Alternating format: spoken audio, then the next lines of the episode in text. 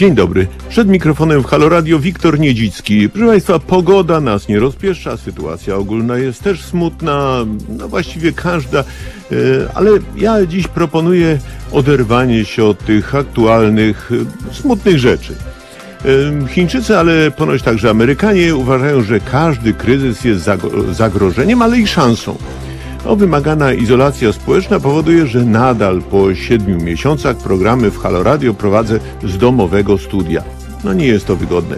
Przez 10 lat pracy w radiu byłem przyzwyczajony do tego, że widzę swoich rozmówców, mogę reagować na ich gesty czy mimikę. No a teraz, a teraz się niestety nie da. A z drugiej jednak strony y, zdalne prowadzenie ma swoje zalety. Po pierwsze, w przeciwieństwie do mojego poprzednika, czyli Mariusza Gzyla, pozdrawiam serdecznie, e, nie muszę być w maseczce, bo jestem w domowym studiu. Po drugie, i to jest trochę ważniejsze, dzięki coraz lepszym telefonom komórkowym mogę w programie gościć osoby spoza Warszawy, które normalnie by nie przyjechały do programu.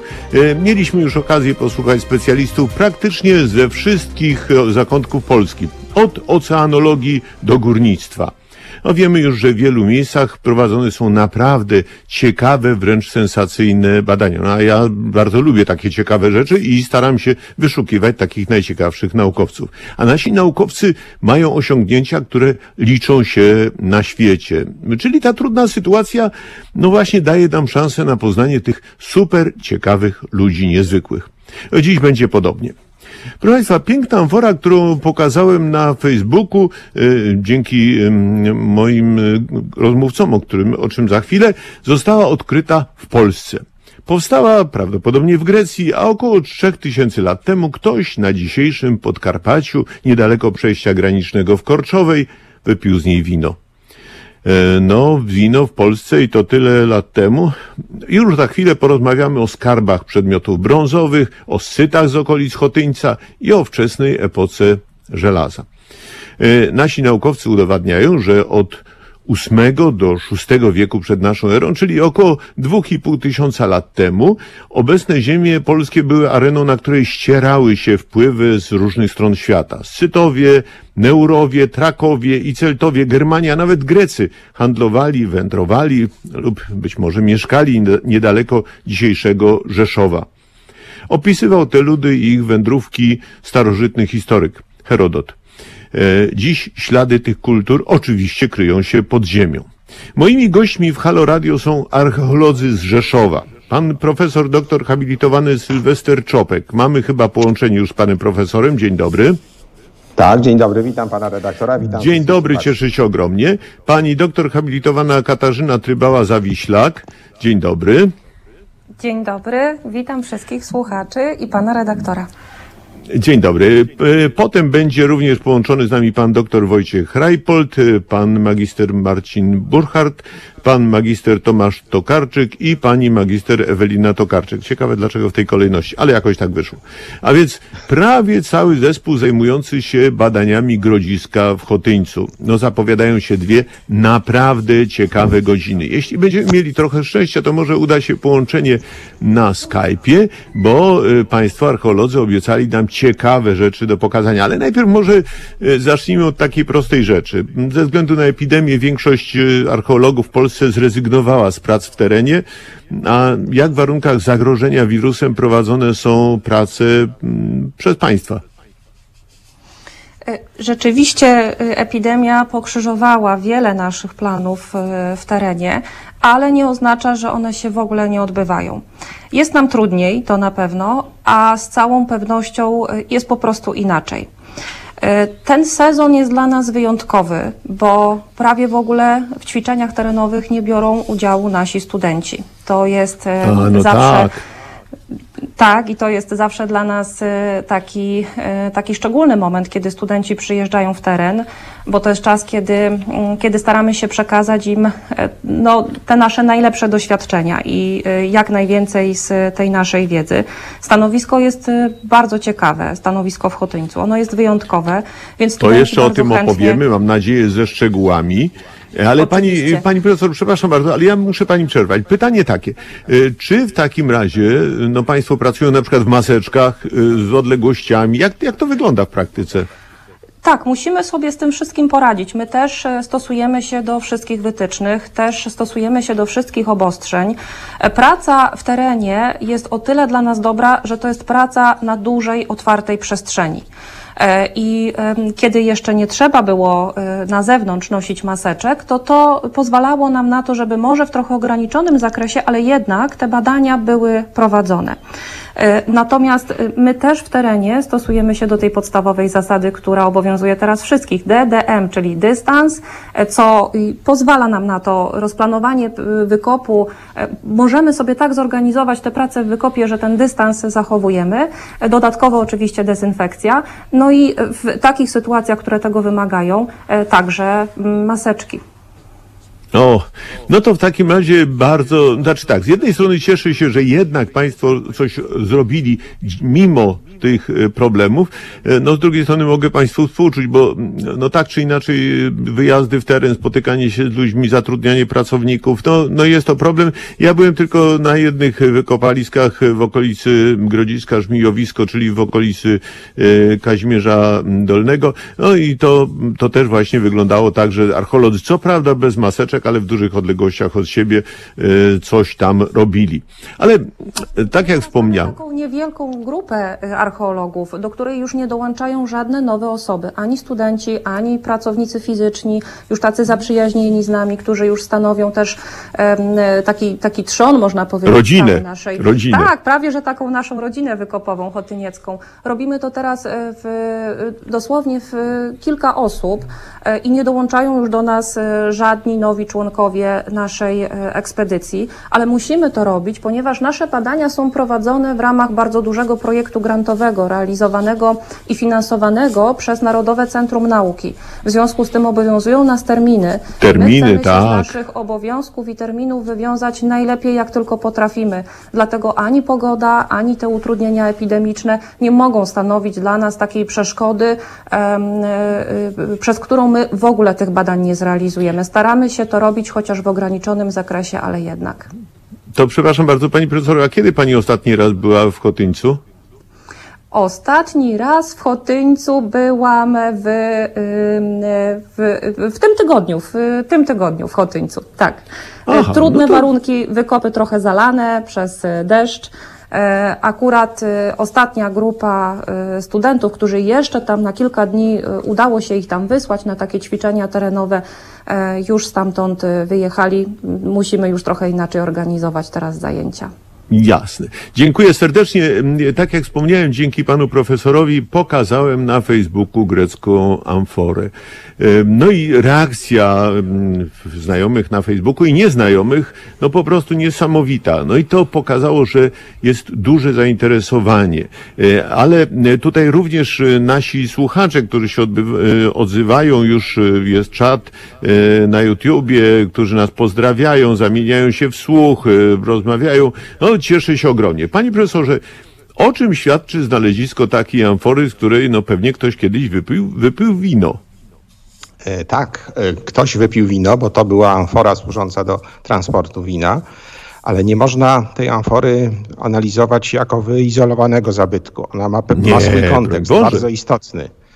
Y, Ponieważ nie jest to jedyna, bo mamy we fragmentach zachowaną drugą i prawie 200 fragmentów pozo- innych amfor. Także to była tutaj jakaś e, taka zorganizowana akcja, która polegała na tym, że dostarczano wino w tych amforach, wykorzystywano je do jakichś ceremonii, o tym za chwilę powiemy, a sprawczo, sprawcą wszystkiego byli Scytowie, czyli ludność o kulturze scytyjskiej, może w takim szerszym y, pojęciu. Bo raczej o, nie mamy tutaj... o, teraz raczej, dotknął pan bardzo ciekawego tematu. Przepraszam bardzo, ale to jest ważne, bo w szkole my jesteśmy uczeni, że przecież od prawieków mieszkamy na terenie, terenach tradycyjnie słowiańskich. No tu żył Piast i Rzepicha, tu rządził Mieszko. No, państwo, a państwo pokazują zabytek, który był jakiś inny, może sytyjski, grecki. No właśnie, to czyje to- są te to- nasze ziemie? Nasze czy nie nasze? To wszystko prawda. E, Nie kwestionujemy, że żył kiedyś tu Piast, żyła Rzepicha, e, tylko że to było co najmniej tysiąc lat po Chotyńcu. Więc mamy tutaj e, a wcześniej były inne ludy. No, to jest pytanie, czyje są te ziemie. Nie ma jednoznacznej odpowiedzi. Te ziemie są Europejczyków. I to jest najpełniejsza odpowiedź.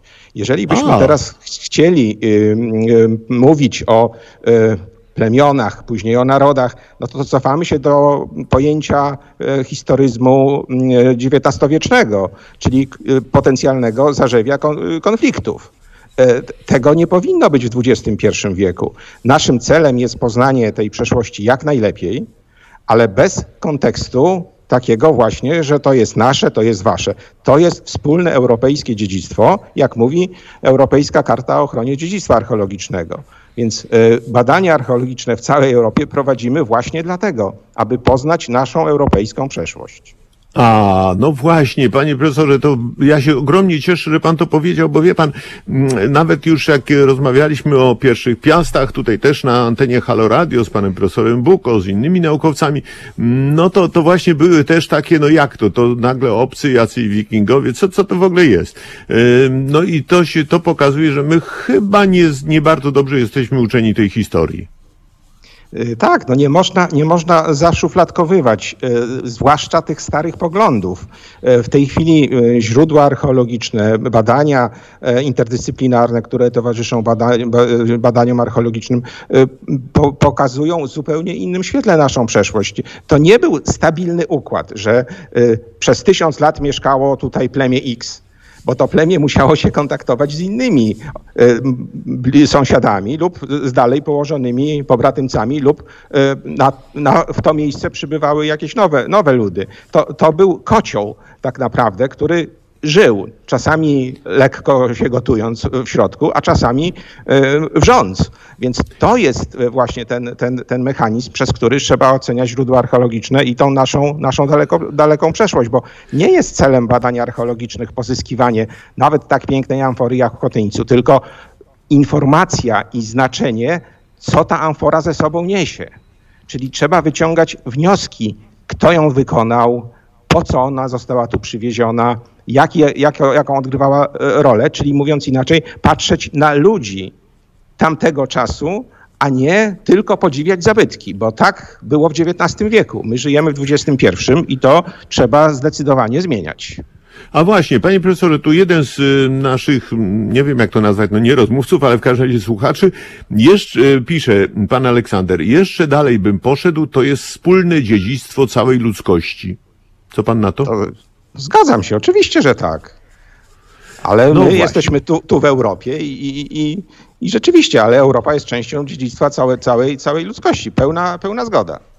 Jasne. Panie profesorze, to w takim razie może zacznijmy od samego początku, czyli jakie ludy żyły albo przemieszczały się przez tereny dzisiejszej Polski jakieś te 3000 lat temu? Jak to w ogóle było? Jaka była tu sytuacja?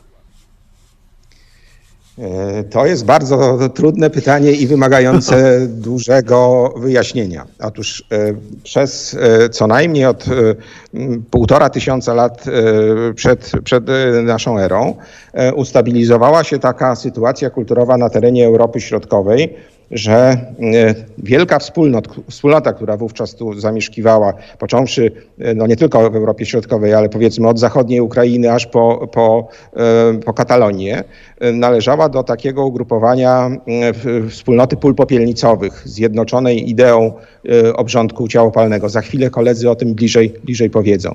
I niestety nie możemy powiedzieć, nazwać tych ludzi z jakimś przymiotnikiem, czy też jakąś nazwą etniczną.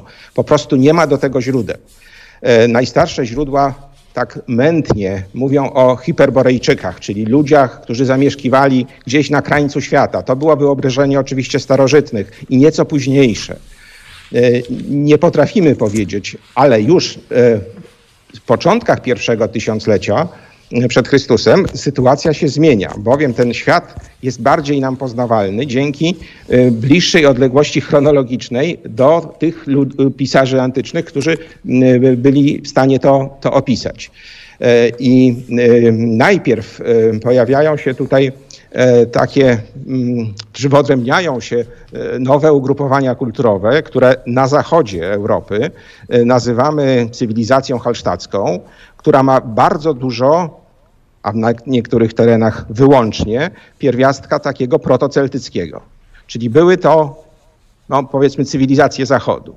Natomiast na wschodzie mamy sytuację zupełnie odmienną, bo ona jest w tym czasie zdominowana przez e, koczowników o pochodzeniu azjatyckim czy środkowoazjatyckim, którzy przemieścili się na teren stepów nadczarnomorskich i oddziaływali swoimi zasięgami, wpływami czy też swoją siłą militarną na teren co najmniej e, środkowej Europy.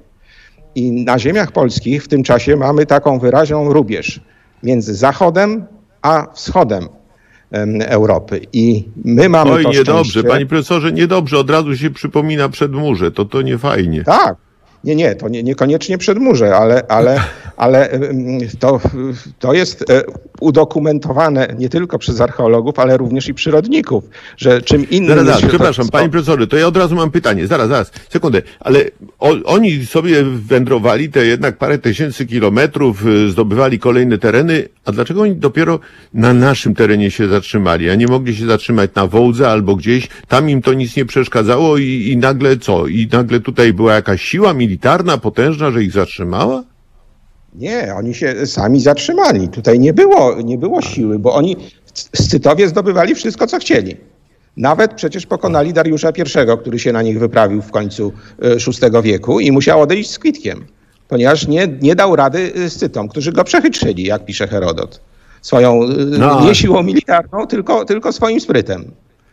Więc, No ale w e, ogóle to te step- stepy przecież, które się rozciągały, no właśnie od Ukrainy, gdzieś tam nad Wołgę, nad, y, nad Morze Kaspijskie, to nazywano stepami scytyjskimi. No tak, no, wcześniej kimeryjskimi, bo to, to jest właśnie taki, e, taki, taki ciąg. E, Scytowie jako lud wykształcili się na stepach no, Azji Środkowej, jeszcze dalej niż Wołga, prawda? Bo to, to mówimy o Azji, nie o Europie. No I- tak, gdzieś tam pewnie jak- jak- Kirgistan. e, przesunęli się na zachód, e, idąc za środowiskiem naturalnym, tym samym, czyli za, tam, gdzie, gdzie step, gdzie była e, roślinność umożliwiająca wyżywienie stad, przede wszystkim ich koni, ale nie tylko. E, I był to lud jednocześnie wojowniczy, bo tak, tak już się składa w archeologii, w pradziejach, że bar, bardziej e, wojowniczymi są te ludy, które mm, opierają swoją egzystencję o hodowlę, o e, pasterstwo, niż te, które uprawiają rolę, bo mają po prostu, e, nie mają nic do stracenia, w przeciwieństwie do rolników, którzy tracą wszystko. I są czym innym za- zajęci, a nie zdobywaniem e, e, czyjegoś dobytku, br- braniem jasyru i, i tak dalej, prawda? Więc to, to jest ta e, zasadnicza e, róż, różnica. No tak, E, czyli po prostu ale ci, je- jeszcze- te jeszcze- ludy parły tutaj w tą stronę, ale właściwie dlaczego one w stronę zachodu tak, tak się wybierały? Bo y, jak pisze Herodot, byli uciskani, prawie dosłowny cytat, przez inne ludy azjatyckie. Na przykład Aha. e, Massagetów, jak to się wyraża, to jest taki też lud bardzo, bardzo e, wojowniczy, e, ale też i inne, bo już e, w tym czasie e, prawdopodobnie doszło też do wykształcenia i innych ludów, które pojawiają się na terenie Europy znacznie później. No na przykład Hunów, którzy, których będziemy widzieć dopiero w V wieku, w IV-V wieku na, na terenie Europy Środkowej, a, e, czyli blisko e, no, tysiąc lat później. Więc to, to, to był, pewien proces, ale w Europie dość gwałtowny, bo jeżeli Scytowie pojawili się tutaj w, no, od początku VII wieku, no to byli panami Europy Wschodniej co najmniej do wieku IV. A zresztą Aha. sama ich potęga została zmieciona przez inny lud wschodnio europejski czy też e, środkowoazjatycki, a mianowicie przez e, Sarmatów. Więc A, nie ma, nie no ma zaraz, ni- to już dziwnego. wkraczamy w obszar tej e, wielkiej Lechi. A, a nie, nie, nie, nie, nic, to nie ma nic wspólnego z Wielką Lechią, która jest wymysłem, e, nie wiem, e, nie wiem czyim, ale, ale naprawdę e, nie jest to pogląd e, naukowy i można to między, bajki włożyć, tak jak i inne tego typu stwierdzenia. Ale panie Ale jeśli- profesorze, z jednej strony powiedział pan o tych scytach, którzy przyszli ze wschodu, e, no a w takim razie co tu robili ci Grecy albo ci inni ludzie, którzy przyszli teraz z innych, no właśnie ci Celtowie, a skąd oni się wzięli? E, Celtowie przyszli znacznie później, kilkaset lat Ale z zachodu. Po, po, po, Scytach. Oczywiście, że z zachodu. No, w przypadku Polski Południowo-Wschodniej część, Cytów, y, część Celtów przyszła z południa, e, z Siedmiogrodu, bo tam najpierw się osiedlili, a później przeszli e, do, nas, mówię do nas nad San, nad Górny San, e, w sytuacji, kiedy, kiedy e, no, paliła im się pod nogami właśnie tamta ziemia.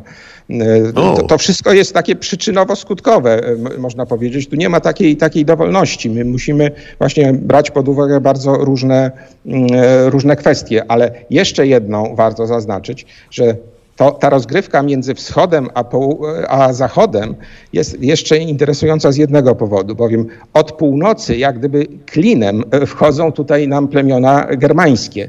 E, Już znacznie później w trzecim i później, w trzecim wieku przed Chrystusem i później, e, które dokonują no, również gruntownej, e, gruntownej zmiany. Więc mamy tutaj rzeczywiście taki kocioł, taki tygiel e, ludów, kultur o odmiennej gospodarce, o odmiennych obrząd, o, o, zwyczajach. E, dla nas najbardziej uchwytne są oczywiście zwyczaje pogrzebowe i to jest takie no, nie, nie- niesłychanie ważne, więc pytanie, czyja to jest ziemia, jest w zasadzie nie do, nie, nie do odpowiedzenia wprost jednym, jednym zdaniem, bo ona była tego, kto na niej gospodarował w danym czasie. W taki czy, czy inny sposób zamieszkał, Czyli my mamy, zdobył. mamy, dostaliśmy tę ziemię niejako w spadku po innych, mamy ją na czas, no, kiedy żyjemy, co będzie dalej Tak, się okaże. tak. Y, My, my, Panie y, profesorze. Tak. My jako, jako Słowianie y, tę ziemię zajęliśmy dopiero w VI wieku po Chrystusie. No, czyli- Do VI czyli wieku y, możemy mówić, że jesteśmy lat panami później. tej ziemi. Tak. Czyli tysiąc lat później. Zresztą w tym czasie jeszcze tutaj mieliśmy Gotów, którzy z kolei wywędrowali przez Polskę, no, przez obszary dzisiejszej Polski, wę- powędrowali sobie na, właśnie na te stepy scytyjskie. Według Kasiodora i Jordanesa y, kobiety gockie y, wyprawiły się za mężami, złoiły skórę nieprzyjaciołom, a potem doszły aż do Azji Mniejszej. To te słynne Amazonki i ufundowały świątynię Diany w Efezie, tak w każdym razie twierdzi Ka- Kasiodor i Jordanes. Tak, y, tylko trzeba zwrócić uwagę, że to, co pan redaktor zacytował, to jest efekt To jest dobrej tysiąc lat później. Tak, i dobrej znajomości źródeł pisanych, które mogą być konfrontowane ze, ze, ze znaleziskami archeologicznymi. My dla tej wczesnej epoki żelaza jesteśmy w dużo gorszej e, sytuacji i nie możemy tak barwnych, konkretnych opisów przytaczać. No tr- trudno, no ja się opar- oparłem na tym, Czyli- co znalazłem. E, Nie, Panie dobrze, profesorze, Wszystko jest okej. Tylko mówię, panie że, profesorze, Że, tak? tak, proszę, proszę. Nie, słucham, słucham pana, bo pan, pan zaczął, że Nie, pan bo- mówi, bo, ale Bo chciałem tak już y, całkiem y, sprowadzić do tego, że my musimy wszystko wyczytać ze źródeł y, archeologicznych, tych, tych i pośrednio innych. A y, dobrodziejstwo źródła pisanego jest o tyle ważne, że y, mamy wprost określone, kto to był, czym się zajmował, jakie były jego losy. No właśnie, to skoro nie mamy takich źródeł, to powiedzmy może no, na podstawie tego, co Państwo odkrywają, y, jak wyglądały te społeczności schyłku epoki brązu, no bo oni prawdopodobnie jednak sporo różnili się od nas, no już nie mówię, że nie mieli naszej wiedzy, nie mieli naszych narzędzi, nie było telefonów komórkowych, co trudno sobie wyobrazić, no ale wobec tego, jaka była ta ich kultura? Co o nich w ogóle wiemy? Może Pani Profesor? Halo, czy mamy połączenie? Ja, ja pana redaktora słyszę, ale tu rzeczywiście miał, miał to któryś y, z moich młodszych kolegów. No właśnie, ja myślałem, że pani profesor o tym powie, y, czyli pani profesor Trybuła Zawiślak, ale jakoś nie słyszę. No dobrze. Y, Panie profesorze, to może, może pani profesor się połączy z nami za Ale już, chwilę. już, już, Na- już mam ob, obok kolegę, który opowie o tym. A, no to poproszę. E, Dzień dobry. Dzień dobry. E, Rajpold Wojciech z tej strony. To A, dzień dobry, dzień dobry. na- No cóż, no to społeczności oczywiście to jest truizmem, że się od nas znacząco różniły. E, Tu wystarczy, no, to jest sam To truizm. jest moja no. prowokacja taka. Tu spójrzmy na jeden tylko taki aspekt, który dla nas archeologów jest tutaj najlepiej zbadany, czyli te kwestie związane z funeraliami, czyli obrządkiem pogrzebowym. Na tych obszarach dominowało przez długi okres czasu kremacja zwłok, czyli po prostu te ciała były palone, składane do urny. No to sprawia, że no nie jesteśmy w stanie zbyt wiele powiedzieć na temat tego, y, jakiego wzrostu byli ci ludzie, jaką mieli wagę, ale na przykład jesteśmy w stanie określić ich y, wiek. Y, No i tutaj okazuje się, że ta średnia wieku no, była bardzo niska. Tam dożywanie 20-30 lat to no, było rzadkością. No, jeżeli ktoś dożył właśnie 60, no to już był po, prostu starcem dla tej społeczności. Y, Stąd no, ta kwestia ym, wieku była dla nich no, niezwykle istotna. No, osoba, która y, musiała, wie, wiedziała, że no, prawdopodobnie Pa- przeżyje 40 lat. Przepraszam najmocniej, pa, muszę panu przerwać na chwileczkę. Może państwo wyłączą głośnik u siebie, dlatego że y, jest taki pogłos, tutaj słuchacze się skarżą, że jest pogłos, który przeszkadza w zrozumieniu. Ja to nie wiem. U nas nic nie, żadne głośniki nie są Nie? Nie włączone. jest głośnik. No to nie, no to nie. No dobrze, no to, to jedziemy. E, Chodziło mi o to, że po prostu ci ludzie no, wiedzie, wiedzieli, że no, nie przeżyją zbyt y, długo, więc oni musieli planować swoje życie no, e, znacznie barwniej niż my w tym momencie. No. Ja mam obecnie 30 lat, w tamtym wieku już prawdopodobnie miałbym kilkoro dzieci, o ile w ogóle dożyłbym tego wieku. E, Prawdopodobnie nie miałbym już zęb, zębów, być może byłbym głuchy. Więc no, ci ludzie no, na pewno musieli przeżywać to życie no, znacznie intensywniej niż my obecnie. To zresztą nie jest nawet y, ten, nawet w XIX wieku no, ci ludzie właśnie już przecież tak. musieli. No dobrze, ale co oni robili, na przykład, czy oni by, nie wiem, budowali jakieś osady, czy oni mieszkali tak y, porozrzucani, czy oni by budowali jakieś warownie, jak to w ogóle wyglądało? No my tu badamy oczywiście grodzisko w Chotyńcu, więc siłą rzeczy No tak. wiemy, że tutaj mamy to jedno grodzisko. Mm. Y, Poza tym grodziskiem na terenie Podkarpacia no nie mamy właśnie tego, podobnych obiektów. Głównie były to po prostu y, niewielkie osady, osady otwarte, które zamieszkiwało 30-40 osób. Obok znajdowało się właśnie cmentarzysko, które było użytkowane przez tą społeczność. I no i zwykle po prostu były to zamieszkiwane przez grupy rodzinne, czyli po prostu dwie, trzy rodziny, które mieszkały po sąsiedzku i to była cała ta osada. Zwykle po prostu budowali niewielki półziemiankę, w której tam mieszkały 4-5 osób, czyli właśnie matka, ojciec, trójka, dwójka dzieci. I to była cała... Uprawiali rolę? Uprawiali Zajmowali się rolę? oczywiście uprawą roli, to był ten główny element życia. No. To byli rolnicy ci. Dopiero Scytowie, którzy tutaj na nich napłynęli, no to to była ta ludność koczownicza, która zajmowała się pasterstwem. No, a ci jednak zajmowali się uprawą roli. Tutaj głównie y, zajmowali doliny y, rzek, czyli zajmowali się głównie taką gospodarką kopieniaczą. Mieli po prostu takie niewielkie, jak można powiedzieć, ogródki działkowe, na których po prostu O. uprawiali No tak, i No, było na ich za mało, żeby uprawiać duże pola. No po prostu Tak, tak. do tego trzeba ludzi i zwierząt. Więc to po prostu była niewielka taka gospodarka kopieniacza. mm, Znaczy oparta no, No to groch biedni byli oczywiście. strasznie. To byli biedni, pewnie nie mieli ani wystarczającej ilości jedzenia, a pewnie było im, bywało im zimno, zwłaszcza zimą. No, mieli ciężkie życie. No stąd i też Sytowie tutaj, no, jeśli chodzi o najazd, to nie mieli tutaj zbyt wiele do porwa- zdobycia, oprócz ludzi. No, jedynie rzeczywiście byliby w stanie stąd ludzi wywieźć. Także no, jeżeli chodzi o jakiekolwiek bogactwa, no, garnki i to wszystko. Także Jasne. nie byli... Proszę pana, ale za dwa tygodnie mamy święto zmarłych. To jakie były w takim razie te obyczaje pogrzebowe lub grzebalne tych ludów no sprzed blisko, przypomnijmy, 30 wieków?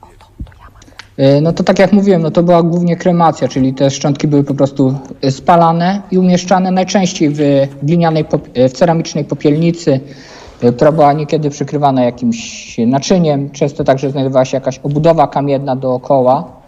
Koła te pochówki szkieletowe no, pojawiały się również oczywiście, no, zwłaszcza na zachodzie, ale na przykład także na Ukrainie w grupie wysockiej e, tej kultury mamy także poświadczone te pochówki szkieletowe. Gotowe, ale tutaj u nas na Podkarpaciu ta kremacja po prostu była no, dominująca. To był po prostu ewenement. No. Te pochówki innego rodzaju się tutaj nie pojawiały. Były także oczywiście pochówki ciałopalne bezpopielnicowe, gdzie prawdopodobnie była popielnica, ale była ona wykonana nie z ceramiki, ale z jakiegoś e, surowca organicznego, który do naszych czasów się nie zachował. Chował jakiś worek płócienny, cokolwiek takiego. Trudno powiedzieć, jak wyglądał sam ten y, obrządek pogrzebowy, no bo nie zachował się dla nas żadne opisy tego rodzaju, więc Jesteśmy w stanie sobie jedynie wyobrazić, że prawdopodobnie no, te szczątki były położone na jakimś stosie, podpalone. Następnie wydaje się, że w miarę dokładnie wybrane, gdyż ta ilość szczątków jest na tyle duża, że oni raczej dokładnie wybierali. Aha, ale y, proszę pana, bo tutaj mam od jednego ze słuchaczy taki, taką uwagę. Czy kremowano dlatego, że wędrowali po prostu? No po prostu nie, miał to się byli kto opiekować rolnicy. grobami. To byli, nie, nie, to byli rolnicy. Y, Sytowie mieli kurhany, oni swoich y, zmarłych chowali, ale y, sy, kurhanów sytyjskich u nas jeszcze póki co nie znaleźliśmy. Także Aha. nie można o nich mówić. U nas po prostu były pochówki ciałopalne, płaskie pochówki ciałopalne. Mm. A no nie wędrowali, czy mamy już, czy mamy już połączenie z panią profesor, bo jakoś nie mogę, nie mogę się zorientować. Tak, mamy, mamy połączenie, tak, słyszę No państwa. właśnie, czy pani zechce może coś do tego, y, do tego dopowiedzieć, co powiedział pani, no nie wiem, współpracownik? Z przyjemnością, bo y, dotykamy teraz takiego tematu, który pasjonuje y, archeologów y, obecnie, zawsze pasjonował i na, pe- na pewno będzie interesował nie tylko tych, którzy profesjonalnie archeologią się zajmują, ale także i osoby zainteresowane. Zwyczaje pogrzebowe to jest taka bardzo ciekawa e, sfera badań archeologicznych. Dotykamy tutaj kultury duchowej, kultury symbolicznej i takim trochę paradoksem tych naszych badań jest to, że my badamy kulturę żywych tych społeczności poprzez sferę kultury umarłych, poprzez sferę kultury śmierci. Bo y, tak jak już kolega powiedział, y, obowiązywało ciałopalenie. Nie do końca wiemy, jak ten proces wyglądał, ale to, co się działo ze zmarłym już potem, po dokonaniu tego aktu ciałopalenia, to potrafimy dosyć dokładnie odtworzyć. Wiemy, że te szczątki ze stosu były bardzo dokładnie wybierane. Następnie wkładano je do urny, czyli takiego glinianego naczynia, bardzo często w porządku anatomicznym. To znaczy najpierw układano O. kości stóp, nóg, tak, potem dalsze, dalsze kości, na koniec zamykając to niejako kośćmi czaszki. E, Czyli to oni mieli naprawdę duży szacunek dla tych zmarłych, to musiało Tak. się odbywać bardzo uroczyście. Tak, dokładnie. Te szczątki były wybierane bardzo pieczołowicie i widzimy, jak one są ułożone starannie w tych popielnicach, w tych urnach. Dodatkowo my nie wiemy, y, jakie były stroje tamtych ludzi, ale my wiemy, co towarzyszyło tym strojom, jakie elementy jeszcze oni przy tych strojach zakładali, bo e, te przedmioty bardzo często płonęły ze zmarłym e, na stosie. To są ozdoby różnego rodzaju, e, pierścionki, czasem jakaś bransoleta, czasem takie przedmioty codziennego użytku, e, jakiś nóż e, albo e, no, trochę rzadziej, ale siekierka czy jakieś drobne kolczyki, drobne, drobne ozdoby, bo one, widzimy, że one płonęły wraz ze zmarłym na stosie, ponieważ one noszą ślady przepalenia. Czasami są takie odkształcone, przepalone. Następnie Czyli ten święty ogień jak gdyby pozwalał ich przenieść do innej rzeczywistości. Tak, taka była, taka jest, e, taka jest symbolika tego właśnie ognia. On ma, on ma przecież taką moc zmieniania materii, prawda? Z czegoś e, e, stałego w coś niestałego, takiego bardzo ulotnego. E, I kiedy złożono już te szczątki zmarłego e, do popielnicy, do urny, wraz z tymi przedmiotami codziennego użytku, których, dlatego właśnie mówiłam o tym, że badamy tę sferę życia poprzez kulturę śmierci, prawda? Bo to są te przedmioty, których zapewne na co dzień używał, a które gdzieś tam w tym innym świecie, w tych zaświatach być może nabierały jakiegoś innego, nieco bardziej symbolicznego y, znaczenia. Może to trochę takie wyposażenie na, na tę drogę w zaświaty. E, I następnie bardzo często jeszcze te popielnice przykrywano. E, Często taką odwróconą do góry dnem misą, a jeżeli No tak, nie, właśnie to pani kolega kawałkiem- powiedział, to tak. Tak, a na, jeżeli nie, to nawet kawałkiem jakiegoś innego naczynia.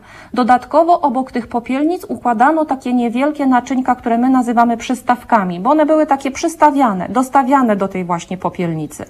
O tym, jak wyposażony jest taki grób, ile on ma elementów, czy są tam jakieś przedmioty właśnie brązowe, mm, to y, czasami to świadczy też o tym, czy jaka była pozycja tej, tej osoby za życia. Być może ona się odznaczała jakimś nieco wyższym statusem. No i ta cała kwestia badań antropologicznych, niezwykle ciekawa, bo jesteśmy w stanie stwierdzić, czy pochowano tam mężczyznę, czy kobietę, e, czy też dziecko, w jakim wieku. Mm, Rzadko kiedy w przypadku grobów ciałopalnych jesteśmy w stanie zajmować się taką paleopatologią. To znaczy my niewiele potrafimy powiedzieć, y, czy y, jak tym ludziom się żyło, jakie były ich warunki życia. E, To się, tego typu ślady lepiej zachowują się na e, szkieletach, natomiast kości spalone są trochę odkształcone, są bardzo rozdrobnione i tutaj rzadko kiedy takie ślady udaje się antropologom zarejestrować, ale czasami się to udaje. E, Więc e, trudno nam czasem mówić o tym, jakie choroby e, męczyły tych, tych właśnie ludzi żyjących kilka tysięcy lat temu, jakie były ich warunki życia, ale czasami to się, czasami to się udaje. I wreszcie Dziękuję bardzo. ciekawa- Pani profesor, sekundę, sekundę, bo teraz musimy po pierwsze zrobić króciutką przerwę, a pamiętajmy, że właśnie około 2,5 tysiąca lat temu na tych ziemiach zaszła rewolucja. No i teraz chętnie bym porozmawiał po rewolu- o tej właśnie rewolucji, ale dopiero po tej krótkiej przerwie muzycznej, czyli y, chwila przerwy i wracamy. Słuchajcie powtórki programu. A w Halo Radio ponownie przed mikrofonem Wiktor Niedzicki. Przypominam, że rozmawiamy o czasach y, na terenach Polski, o czasach sprzed około 3000 lat, może 2,5. Moimi gośćmi w Halo Radio są archeolodzy z Rzeszowa, pan profesor doktor habilitowany Sylwester Czopek, pani doktor habilitowana Katarzyna Trybała-Zawiślak, pan doktor Wojciech Rajpold, przed chwileczką słyszeliśmy pana doktora, pan magister Marcin Burchardt i pan magister Tomasz Tokarczyk, a właśnie państwo y, y, Ewelina i Tomasz Tokarczykowie. Y, Proszę Państwa, po pierwsze tak, tutaj mam jeszcze do Pani Profesor y, takie pytanie od naszego słuchacza. Ciekawe jak się miała pozycja kobiety u Scytów, czy płonęła ze zmarłym mężem? Halo, przepraszam, jakieś prze, Tak. przerwało na chwilę. Czy pan redaktor mógłby powtórzyć pytanie? Tak, powtarzam, oczywiście, tak. Y, y, Pytanie od słuchacza. Ciekawe jak się miała pozycja kobiety u Scytów, czy płonęła ze zmarłym mężem? No to tutaj, jeśli chodzi o po, pochówki scytyjskie, to, to za chwilę myślę, że dotkniemy tego problemu i jest już tutaj przygotowany nasz kolega, który będzie o tym dosyć szeroko opowiadał. Natomiast w odniesieniu do tych grobów ciałopalnych, lokalnych, em, Tak. O których myśmy tutaj e, opowiadali, to oczywiście my znamy takie, takie e, zestawienia, takie konfiguracje pochówków, gdzie w jednej popielnicy, w jednej urnie pochowana jest kobieta i mężczyzna e, w takim O. wieku wskazującym na to, że mogli być małżeństwem, ale tego na pewno nie wiemy. Tak samo jak i nie jesteśmy w stanie e, powiedzieć, czy na przykład kobieta pochowana wraz z małym dzieckiem, czy dotyczyło ich jakieś pokrewieństwo, bo tutaj pomocne byłyby dla nas badania genetyczne. Ale niestety w przypadku kości ciałopalnych e, one są bardzo trudne, a czasem wręcz niemożliwe do wykonania, ponieważ e, łańcuchy DNA e, urywają się po prostu pod wpływem bardzo wysokiej temperatury i potem są zbyt krótkie, żeby je odpowiednio odtworzyć i stwierdzić, czy pokrewieństwo dotyczyło osób pochowanych e, w jednej popielnicy. Ale e, możemy się domyślać, że na przykład kobieta e, dorosła, dwudziestokilkuletnia, pochowana wraz z maleńkim dzieckiem, em, takim no, noworodkiem, jak to mówimy czasem w takim wieku okołoporodowym, e, to niestety taka śmierć związana właśnie z No, komplikacjami. popołogowa, to też mo- Tak jest. no, Związane z komplikacjami porodowymi, połogowymi, ale mamy różne zestawienia pochówków. Tu są czasami, czasami dwójka dzieci, jedno starsze, drugie młodsze, czasem dwie kobiety, czasem kobieta i mężczyzna, a czasem nawet kobieta, O. mężczyzna i dziecko. Bardzo ciekawe. Ale dobrze, bo zacząłem od tego, że około 2,5 tysiąca lat temu na terenach, y, no właśnie, na których Państwo prowadzą badania, zaszła no trudna do wyobrażenia rewolucja, bo zamiast brązu ludzie nauczyli się wytwarzać żelazo. No więc pojawiły się pewnie nowe narzędzia. Część pewnie protestowała, jak to można teraz nie brązowymi, tylko żelaznymi. Oczywiście pojawiły się pewnie nowe elity, no i oczywiście nowe zwyczaje. No co się zmieniło w tym czasie, a w ogóle kto wprowadził tę technologię wytopu żelaza?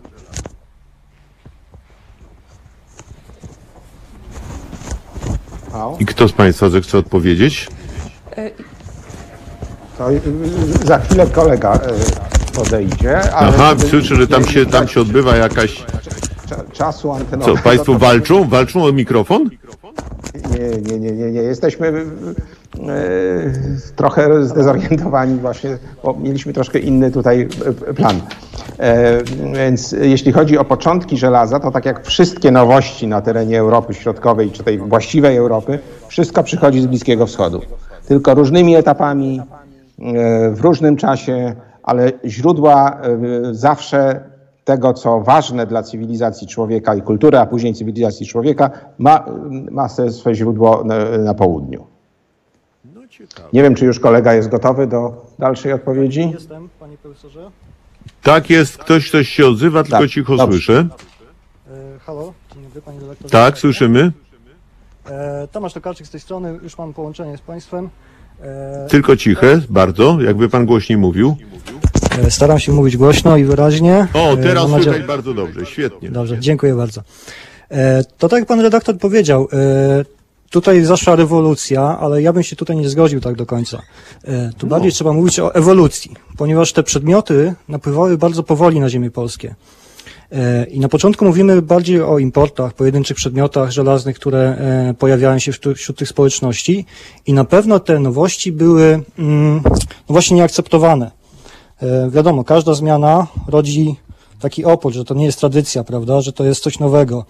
Mm, Więc tutaj myślę, że w tych społecznościach też to musiało, musiało rodzić opór, ale on był przełamywany faktem, że przedmioty wykonane z żelaza były dużo lepsze, prawda, e, od tych wykonanych z brązu, bo jeżeli mamy miecz żelazny, on jest twardszy, ostrzejszy, mm, jest skuteczniejszą bronią, prawda, więc tutaj ten przełom techniczny jakby dominował nad tradycją i takim myśleniem, że coś jest nowe, to jest e, nie do końca dobre.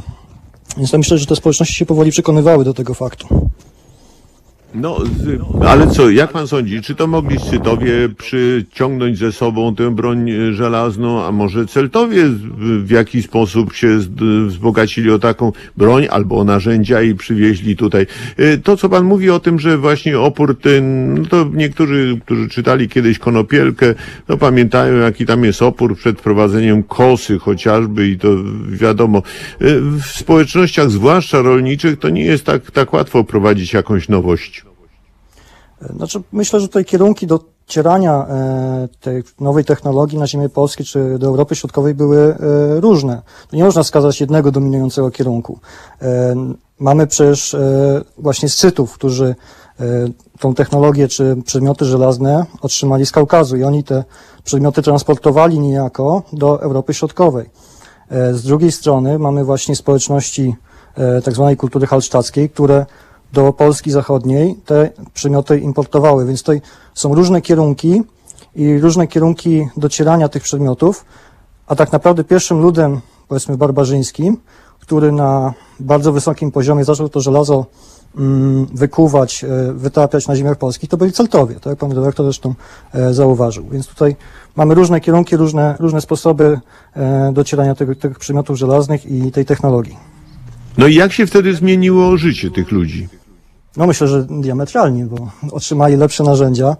Mm, Lepsze narzędzia oznaczają wyższy, powiedzmy, poziom życia, łatwiejsze zdobywanie pokarmu, e, uprawa roli e, radłem okutym e, żelazną rodlicą było dużo skuteczniejsze, co przekładało się na lepsze plony. Polowanie jak było skuteczne, no jednak metalowym narzędziem łatwiej było zabić, nie wiem, niedźwiedzia, wilka, no cokolwiek. To prawda, to prawda. Te właśnie narzędzia, przedmioty, broń była dużo bardziej skuteczna. I tu też trzeba jeszcze jedną rzecz podkreślić. E, rudy żelaza są dużo łatwiej dostępne niż e, miedź i cyna, z których wyrabiano brąz, czyli dostępność do nowej technologii była dużo prostsza, bo można było wykorzystać nawet e, szeroko dostępne rudy darniowe do wytwarzania przedmiotów żelaznych, czyli przy każdej osadzie mieszkańcy tych osad mogli te przedmioty wytwarzać dla siebie, na swój taki lokalny, mm, lokalny, lokalne potrzeby. No Pewnie w taki sposób, jak dzisiaj mamy tą święto Dymarek e, w Górach Świętokrzyskich, w Nowej Słupie, gdzie pokazuje się, jak się wytapia to żelazo. No i rzeczywiście, e, oczywiście, no trzeba wiedzieć, jaka jest technologia i co tam zrobić, ale generalnie rzecz biorąc, to nie wymaga to jakiejś bardzo potężnej infrastruktury. No tak, to prawda, ale wiedza jednak była potrzebna i ta wiedza się musiała, musiała minąć jednak e, dłuższy okres czasu, żeby się zadomowiła i żeby mogła być przekazana, żeby ci mieszkańcy na ziemiach polskich też się tego wytopu żelaza nauczyli i wytwarzania przedmiotów.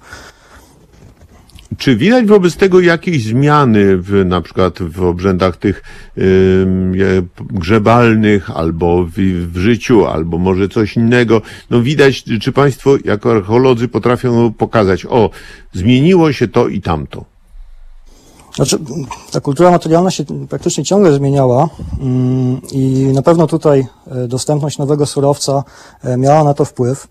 Dla nas najłatwiej jest obserwować przez tak zwane e, groby książęce, czyli pochówki bardzo bogato wyposażone, e, osobników, którzy prawdopodobnie mm, sprawowali kontrolę nad większymi społecznościami, bogacili się albo właśnie na wojnach, czyli te wojny prowadzone za pomocą oręża metalowego, żelaznego były skuteczniejsze, więc bardziej się bogacili i też kontrolowali szlaki handlowe, prawda? Więc tutaj te groby książęce, groby elit są dla nas takim wyznacznikiem e, takiego nowego tutaj e, zmiany trochę mm, rozwarstwienia społecznego. Mm, Oczywiście te Ale przedmioty bardzo, wraz... Ale to, to, to tak mi się jakoś kojarzyło, ale do tych elit to należeli Scytowie, Celtowie, Gre- Germanie, kto? No właściwie oni wszyscy mieli swoje jakieś tam elity e, i mamy przecież bardzo bogato wyposażone pochówki e, scytyjskie. Które Państwo badali? Tutaj trudno tak, e, znaczy nad naszymi tymi, które teraz badamy, tak? Tak. Tak. No, jeżeli mamy grodzisko scytyjskie e, i to prawdopodobnie Celtowie, znaczy Scytowie kontrolowali tutaj te, te tereny i A, oni to sobie, No to, no to, o to, o to mi właśnie chodzi. to, to samo grodzisko prawdopodobnie do tego też służyło. E, Ale co, co właśnie jest istotne, że e, i Celtowie, i Scytowie, oni niezależnie od siebie troszkę wykształcili taki model bo, bardzo bogatych pochówków, czyli te elity były i tu, i tu. Tu nie można skazać, że tylko w społeczeństwie sc- scytyjskim te elity funkcjonowały, czy tylko u Celtów. To było jakby niezależne i, i to myślę, że e, ta technologia pozyskiwania czy wytopu żelaza tutaj miała duży wpływ na ten, na ten fakt. A to co znaczy, oni podglądali, o, tamten to pochował w takiej większej e, popielnicy, to ja też muszę mieć. Albo nie wiem, tamten nosi sprzączkę trochę bogatszą niż ja, to ja też taką muszę mieć. Tak to mogło wyglądać? Znaczy, e, tak naprawdę, jeżeli ktoś się bogaci, e, no to próbuje też to bogactwo zamanifestować. I jakby włożenie dużej ilości przedmiotów do grobu było pokazaniem, patrzcie, jestem tak bogaty, czy mój ojciec był tak bogaty, że jest stać mnie te przedmioty A. włożyć do, do ziemi, prawda? To jest taka manifestacja takiego bogactwa tak dużego, żeby stać mnie na wyrzucenie tych przedmiotów do, do ziemi, prawda? To jest e, No manifestowanie prestiżu przez pochówek. To, zresztą to samo było w Egipcie, prawda?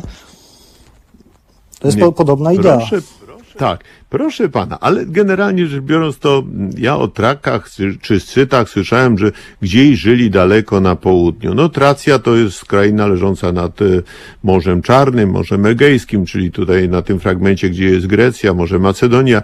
A pamiętamy, że jeden z cesarzy rzymskich, właśnie Maksymin, był właśnie trakiem. Zresztą on miał przydomek Maksymin Trak.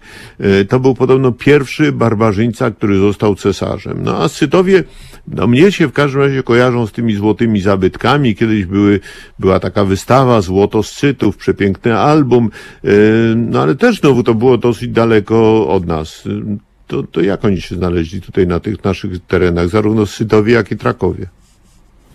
Mm, No, Scytowie byli ludem bardzo mobilnym i jednak e, no, ten koczowniczy tryb życia na pewno zmuszał ich do przemieszczania się. I oni no, systematycznie z tych, powiedzmy, centralnej Azji przemieszczali się w kierunku e, zachodnim, docierając w końcu no, w, przez ziemię Ukrainy do, powiedzmy, wschodnich granic Polski obecnej, prawda? Więc tutaj to taka czasowe, czasowe jakby tutaj następstwo przemieszczania się e, ludności. Więc tutaj nie ma nic dziwnego i myślę, że to jest łatwe do wytłumaczenia tak naprawdę. E, To w takim razie ja znów mam pytanie. No kim byli, jaką kulturę przynieśli do nas Scytowie? E, No ale to pewnie o tym to powie pan, pan doktor Burkhardt. Natomiast e, ja jeszcze mam jedno pytanie dodatkowe. Proszę mi powiedzieć, a ci Trakowie, to, to jak to było? No oni też byli ludem koczowniczym? Nie, nie, nie. Trakowie ludem koczowniczym nie byli. Oni raczej właśnie mieli taki tryb e, gospodarczy czy osiadły, tylko że no właściwie zajmowali pewne tereny i przez ich ziemię docierały też nowinki technologiczne na, na ziemię polską. Oni byli takim przekaźnikiem e, właśnie e, przedmiotów, importów na ziemię Polski, do Europy Środkowej. Czy sądzi pan, że to mogli być na przykład kupcy, którzy gdzieś tam z południa Europy docierali do nas?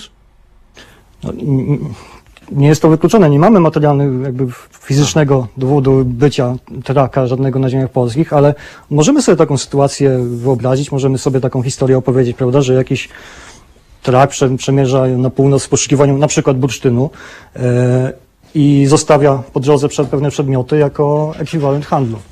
Prawda? No właśnie, czy oni po ten bursztyn, ten bursztyn nie był aż taki cenny, poza tym bursztyn był również w innych krajach i w innych obszarach kulturowych i, i też był wydobywany.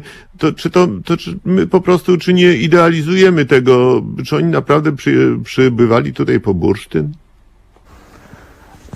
Myślę, że bursztyn tutaj na pewno odgrywał jakąś rolę i w tym No jakąś tak, ale czy aż taką dużą? Poza tym ile trzeba by bursztynu, żeby zapłacić za jakiś tam nóż metalowy albo, albo miecz na przykład? No to przecież to musiały być jakieś straszne ilości. A z drugiej strony, ja nie wiem, czy aż tyle tego bursztynu było w, na południu potem Europy, tam się pojawiało. Czy oni tak naprawdę tego potrzebowali? To y, mogę się włączyć? Przepraszam. Tak, no panie profesorze, czekam na to, usiłuję pana sprowokować. No właśnie i udała się panu prowokacja. Oddziaływania trackie są czytelne, czyli bezpośrednio z południa, są czytelne na bardzo dużym obszarze Europy Środkowej. Generalnie e, geneza Traków jako wielkiego ludu, Herodot pisze, lud Traków jest po Indach największy, czyli ma świadomość, że to jest populacja bardzo duża. I oni w zasadzie e, całe północne Bałkany zamieszkiwali w zasadzie od można powiedzieć, od środka epoki brązu, y, rozszerzając swoje, mm, swoje, mm, swoją ekumenę i dzieląc się przy tym na rozmaite mniejsze y, grupki, plemiona, które później potwierdzają również y, źródła pisane dla okresu rzymskiego, czyli y, 500 lat później, prawda?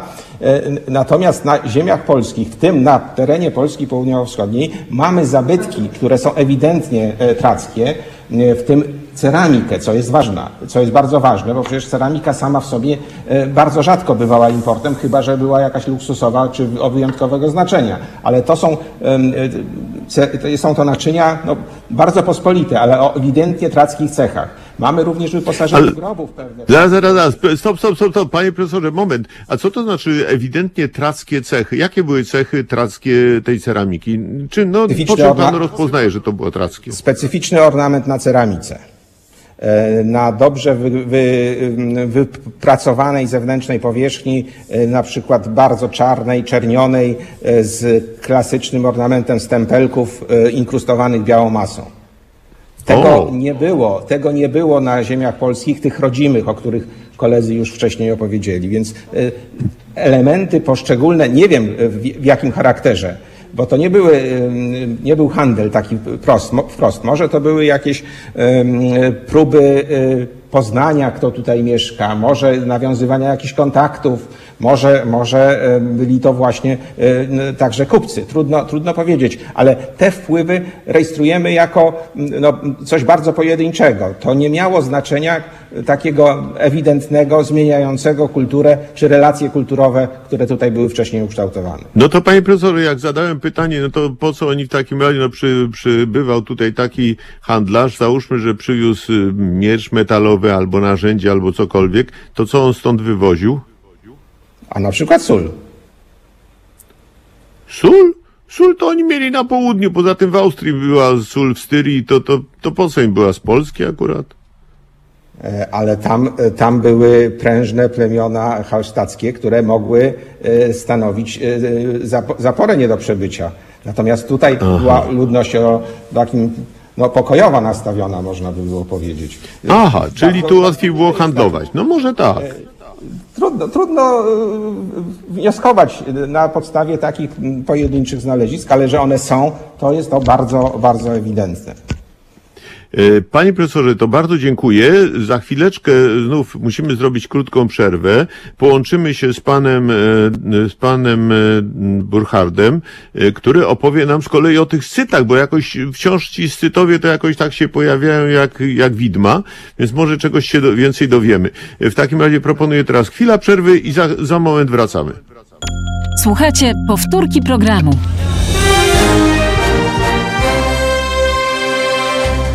Halo Radio. Gadamy i trochę gramy.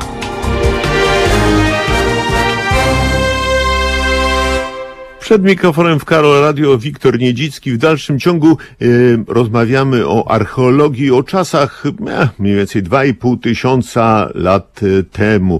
E, proszę Państwa, moimi gośćmi w Halo Radio są archeolodzy z Rzeszowa, profesor doktor habilitowany Sylwester Czopek, pani doktor habilitowana Katarzyna Trybała-Zawiślak, pan doktor Wojciech Rajpolt, już mówił, pan magister Marcin Burchardt, państwo e, Ewelina i Tomasz Tokarczykowie, no czyli prawie cały zespół zajmujący się badaniami grodziska w Chotyńcu, ale e, przed samą przerwą już e, zapowiedziałem, że będziemy rozmawiali przez chwilę o Scytach, no kim byli, jaką kulturę przynieśli ci Scytowie, e, no i co wynika z tych badań dawniejszych, no jak wyglądali ci Scytowie, może coś wiemy, czym się zajmowali?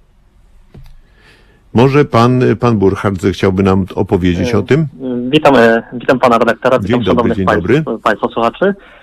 E, No cóż, tutaj wielokrotnie się pojawiali ci Scytowie. Może tak już pani e, profesor e, Katarzyna wspominała, Scytowie przybyli do nas, to znaczy na tereny powiedzmy współczesnej Europy, Europy na terenie dzisiejszej Ukrainy, bo głównie e, z tamtego terenu mamy tutaj ślady, czy też e, te grupy, które się pojawiły u nas w Chotyńcu, wychodziły się z terenu Ukrainy, który był e, nowym terenem, nową ziemią, nową ojczyzną. Tak to się nazywa nową ojczyzną dla Scytów, ponieważ jak już było wspominane, Scytowie wywodzili się z terenów Azji Centralnej, dzisiaj mniej więcej z obszaru dzisiejszego Kazachstanu, z obszaru dzisiejszej, no ze styku, z dzisiejszego Kazachstanu, Chin, z Rosji, z obszaru Altaju. Mamy No ale to, pa, proszę pana, ja pamiętam, że widziałem w Kyrgyzstanie takie duże kurhany, e, właśnie scytyjskie, w każdym razie przypisywane Scytom. E, widziałem również na wystawie Złoto Scytów, ale to było strasznie dawno temu, e, gdzie właśnie oni mieli takie czapki, takie jak gdyby zakręcone trochę do przodu. O, trochę Tak. przypominało to czapkę Tak, frygijską. Tak, tak, tak. Więc, więc troszeczkę to my tak wiemy o tych Scytach, widzieliśmy ich na tak. tych... No właśnie, jak to wyglądało? Jak oni żyli? Jak oni żyli, tego, że tutaj było wielokrotnie wspominane, e, przede wszystkim Tak. e, byli koczownikami. I na, też, czyli po prostu określały, je, e, określały ich, powiedzmy, dwa słowa. Konni i łucznicy. O, Ponieważ, że jak pisze, jak wspomina zarówno Herodot, jak i później pseudo Hipokrates, y, koczownicy no, praktycznie w ogóle nie schodzili z koni. No co jest y, mniej więcej, do dzisiaj też współ, współ, współwystępuje, czy też widzimy na przykładzie chociażby znacznie późniejszych Mongołów. Bo to, była to sama po prostu, co prawda mieliśmy tutaj zupełnie inne grupy etnicze, bo Scytowie byli Indoeuropejczykami, natomiast y. Mongołowie, wiadomo Mongołowi, natomiast y, chodzi o to, że po prostu, jak już tutaj wielokrotnie było wspominane, tereny, na których e, oni żyli, czyli strefa stepu, czyli potężne, potężne, potężne równiny pokryte trawą sprzyjały pojawieniu się, wyhodowaniu jeszcze w, wcześniejszych czasach konia. Bo koń to też było to zwierzę, Tak. które określało koczowników. Także i No dobrze, właśnie ale tutaj, tutaj, ja mówiłem o tych, powiedziałem o tych czapkach, a na przykład co się ubierali, czy oni znali uprząż na konia? E, Tak, znali, e, ponieważ e, wracając do kwestii ubierania, to ich strój jest bardzo charakterystyczny, ponieważ e, pojawia się, e, znamy go zarówno z wykopalisk na terenie Rosji, widocznie z Marzliny, gdzie udało się wydobyć po prostu zachowane pochówki, za- zachowane szczątki ludzkie w ubraniu. No potem już wiadomo, jak, wiadomo, jak lud działa konserwująco.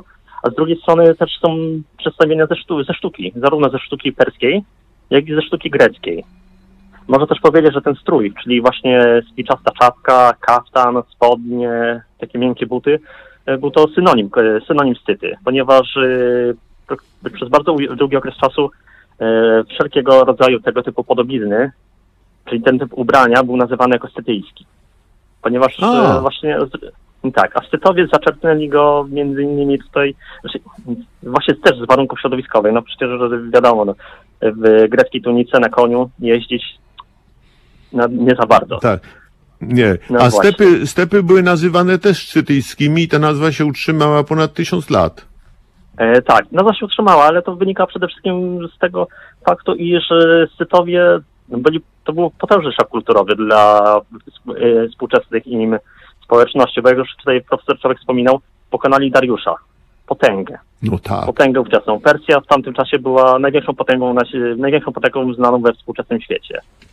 No E, tak. Po drugie, w Tytowie pojawiali się też na terenach, e, powiedzmy, Azji Przedniej, gdzie, e, Azji Mniejszej, gdzie funkcjonowały, czy na północy dzisiejszej Turcji, gdzie funkcjonowały też stare państwa, które też zostały po prostu zniszczone. Nawet e, taka, takie było znaczenie z Tytów i ich poprzedników e, Kimerów, iż pojawiają się e, nawet na kartach Biblii, jako właśnie jeden z ludów, takich powiedzmy Niosących zagładę. Niosących Tak. zagładę. Tak, tak A, właśnie. no tak właśnie. Także no to, to, to było to nic, dlatego też później nic dziwnego, że oni doszli do Polski, nie, znaczy do Polski, no do tych ziem, które dzisiaj są polskie, doszli y, tu. Mm, tak. Y, No i właśnie, i co? I oni y, założyli tu osadę, taki koczowniczy lud? E, To musimy też wrócić do tej Ukrainy, bo to jest dla nas tereny kluczowe, e, ponieważ na terenie Ukrainy e, Scytowie zajęli tereny stepu, czyli te współczesne, te, które by nadawały się do prowadzenia tej gospodarki koczowniczej. Natomiast e, ich sąsiadami na północy były już od dawna tutaj zamieszkałe e, ludy tak zwanej kultury czarnoleckiej, czyli to by byli po prostu osiadli rolnicy budujący potężne grodziska i przyjmuje się, że e, Scytowie mm, podbili tą ludność, to znaczy nie wytępili, ponie- ponieważ wiadomo, też korzystali z nich, korzystali z między innymi po prostu koczownicy potrzebuje, każdy lud potrzebuje pewnych produktów Czyli zbożowych. podporządkowali sobie, pobierali pewnie jakąś Tak. daninę i z tego dobrze tak, tak, żyli. tak. Y, Narzucili, y, po prostu narzucili na nich swoje elity. Tutaj też właśnie można powiedzieć, że w tym kontekście to padło y, wcześniejsze pytanie, które padło, no to może powiedzieć, że w tej części Europy, o której teraz mówimy, Tytowie byli po prostu, lok- y, tworzyli powiedzmy elity związków plemiennych składających się z różnych grup ludności, czyli z podporządkowanych im rolników i na, na czele których staje właśnie tutaj y, ludność y, koczownicza, stytyjska. Tak, też musimy pamiętać, że ci stytowie to jest dość szerokie, dość szerokie słowo. Na przykład bardziej prawidłowo można byłoby mówić nawet tutaj y, grupy posługujące się powiedzmy kulturą tyty- stytyjskim. To byłoby najba- najbardziej właściwe, ponieważ to też Jasne. wytworzył się na tych terenach taki bardzo duża mieszanka kulturowa. I wracając do pana pytania na terenie właśnie naszych ziem polskich, na terenie Chotyńca, y, pojawił się ten, y, ten y, właśnie tutaj pojawiła się ta grupa ludności taka mieszana. My to tak, nazy- y, my to tak w nomenklaturze archeologicznej nazywamy to tak zwanym leszostepowym wariantem kultury stetyjskiej, w odróżnieniu do stepowego.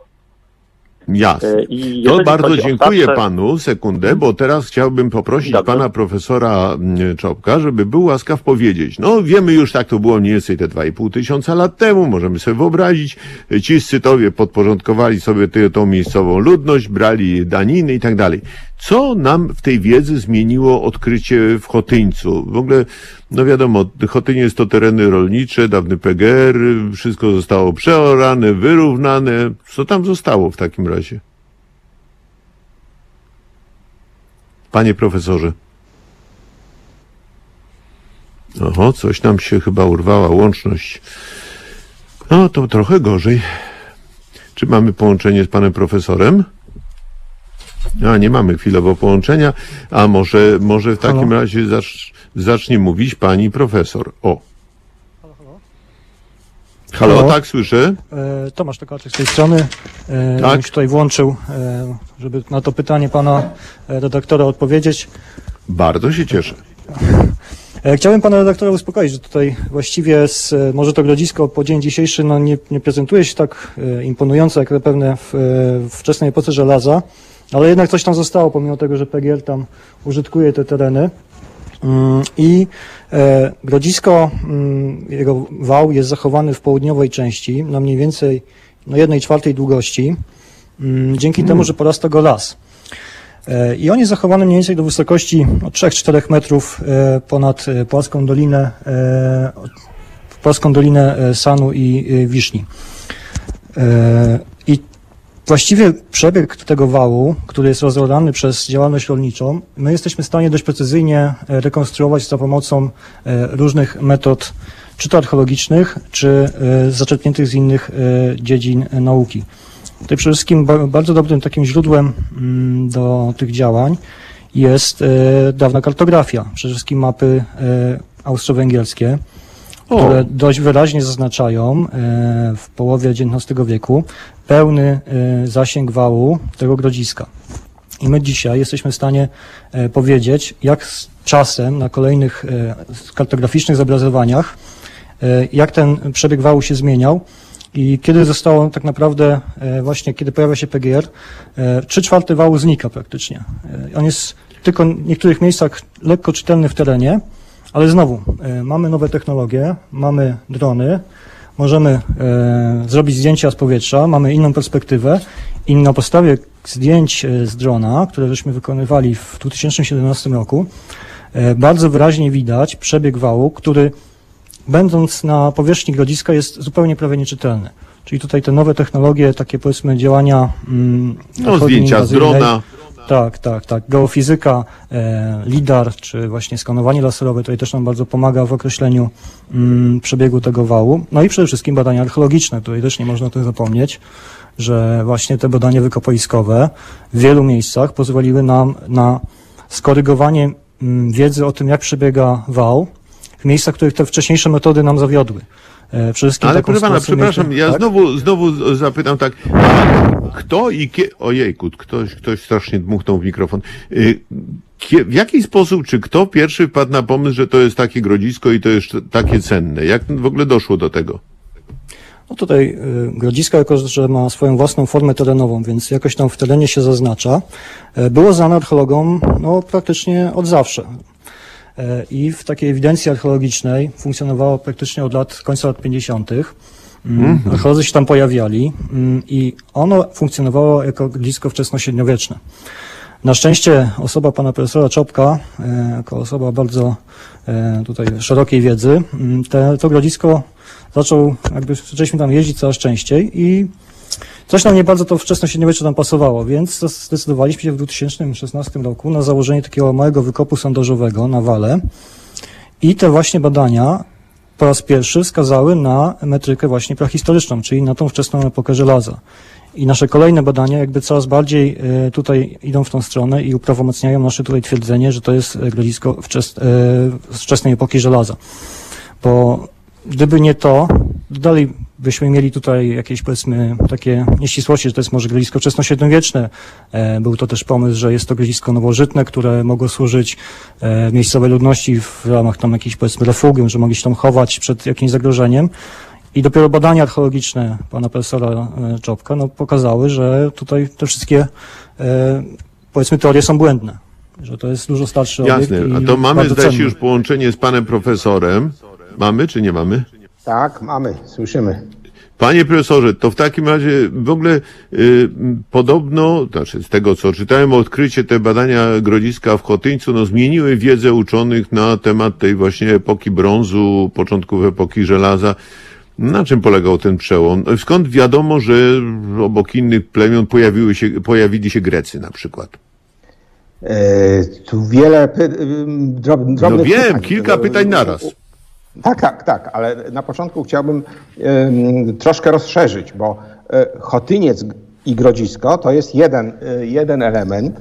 Em, W tej chwili będziemy tutaj równolegle pokazywać niektóre zabytki.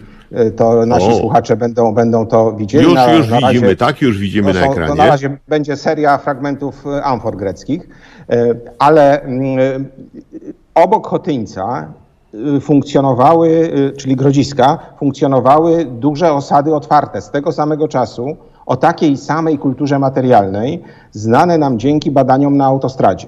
Bo mieliśmy to szczęście jako archeolodzy, że w pewnym momencie ktoś wytyczył trasę autostrady tuż przy Grodzisku i zaraz za jego wałami jest wielka osada z tego samego czasu.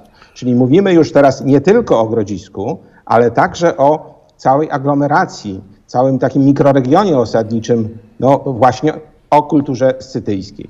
E, Że e, w tym miejscu pojawia się właśnie taki element, jest to efekt e, moim zdaniem takiego przemyślanego, przemyślanej decyzji, bowiem z tego miejsca, jak staniemy na najwyższych punktach Grodziska, obserwujemy szeroką perspektywę na Dolinę Sanu, na Pogórze Przemyskie, czyli ma to charakter takiego Kontrolny. takiego kontroli, właśnie, kontrolny. takiego punkt, punktu. My to nazywamy Grodzisko w bramie do City, czyli Grodzisko O. strzeże e, dostępu do e, wielkiej, wielkiej Scytii, bo takie przecież określenie e, funkcjonuje. Więc e, to rozszerza nam e, pole obserwacji i pozwala nam mówić o znaczeniu tego miejsca no, w ciągu 200, nawet i 300, 300 lat. Tak- Przy tak okazji szacuję bardzo jego- dziękuję, bo Państwo pięknie pokazują te fragmenty ceramiki, zresztą bardzo ładnej ceramiki. E, No, e, proszę Państwa, mamy właściwie, radio się zmieniło w telewizję, nie tylko radio z wizją, ale wręcz, e, no, prawie program telewizyjny. Pani profesor, zdaje się, pokazuje to, no, po Nie, to prostu, pani- to- po prostu. To, to pani Ewelina pokazuje w tej chwili. A, to są- Pani Ewelina, dobrze, okej. To są charakterystyczne grociki scytyjskie o takim trójgraniastym lub trójskrzydłym kształcie e, e, ostrzy, czyli tego, tego e, co razi przeciwnika. I one są takie bardzo typowe dla Scytów. To proszę sobie wyobrazić, że Herodot nam dał taki przekaz, że pewien z władców scytyjskich chciał się dowiedzieć, ilu ma wojowników i nie mógł tego policzyć, więc polecił, aby każdy z nich dostarczył jeden, jedną strzałę z takim właśnie grotem, bo nikt inny takimi grotami się nie posługiwał. I dzięki temu mógł dokonać tego, tej, mm, takiego badania statystycznego, jakbyśmy dzisiaj po, powiedzieli, a y, z dalszego przekazu wynika, że y, groty te dały tak dużą masę brązu, że y, pozwoliły na przetopienie i y, wyprodukowanie wielkiego krateru, czyli takiego naczynia liturgicznego, które służyło do dzisiaj, jak pisze Herodot, czyli znane było jeszcze za jego, y, za jego czasów. Więc y, to pokazuje, jak bogata jest ta nasza kultura materialna, którą my odkrywamy, ale za chwilę jeszcze do tego, do tego wrócimy. Teraz e, chciałbym e, też sprostować trochę tych, e, tych e, Greków, ponieważ e, my mówimy o amforach, importach greckich. Skądinąd bardzo ciekawa jest droga, jaką przebyły te nasze amfory, bo one No wszystkie pochodzą, pochodzą nie z terenu Grecji tej kontynentalnej, tylko e, prowincji jońskich na dzisiejszym wybrzeżu Turcji. E, Na przykład A. ta najwie, największa nacz- nasza amfora, e, ta jedyna taka w całości, którą pan redaktor był łaskaw zaprezentować wcześniej, e, jest, e, pochodzi z takiego ośrodka Klazomenai. To inne, inne e, to są e, amfory z wyspy Lesbos. Więc e, mamy tutaj mm, bardzo daleką drogę e, i na pewno e, mm, ten transport wina był właśnie z tamtego, z tamtego obszaru. I A panie profesorze, przepraszam, a jak duży, a jak duża, jak duża jest ta kamfora? Ile tam wina na przykład wchodziło? Według e, naszych e, pomiarów i naszych szacunków e, to jest od, kilkudziesięciu, od kilkunastu do dwudziestu litrów. W tej Wow, naszej wielkiej, to rzeczywiście. bo ta nasza amfora jest bardzo duża i późniejsze amfory są, są znacznie mniejsze. Mm, Bo ta nasza preze- reprezentuje najstarszy horyzont ceramiki. O właśnie, teraz ją widzimy tutaj. No E, naj- śliczna jest taka szpila. E, Tak, e, z malowaniem. A, tutaj jest amfora. A, tak, bo Państwo pokazują teraz amforę. Już, już widzę, widzę, widzę. tak, tak, tak. No to spora, ale gdyby Państwo chociaż, nie wiem, rękę tam przyłożyli, to było wiadomo, jakie to duże jest. Bo tak to nie wiadomo, jaka to jest skala. W- może, może sobie poradzimy.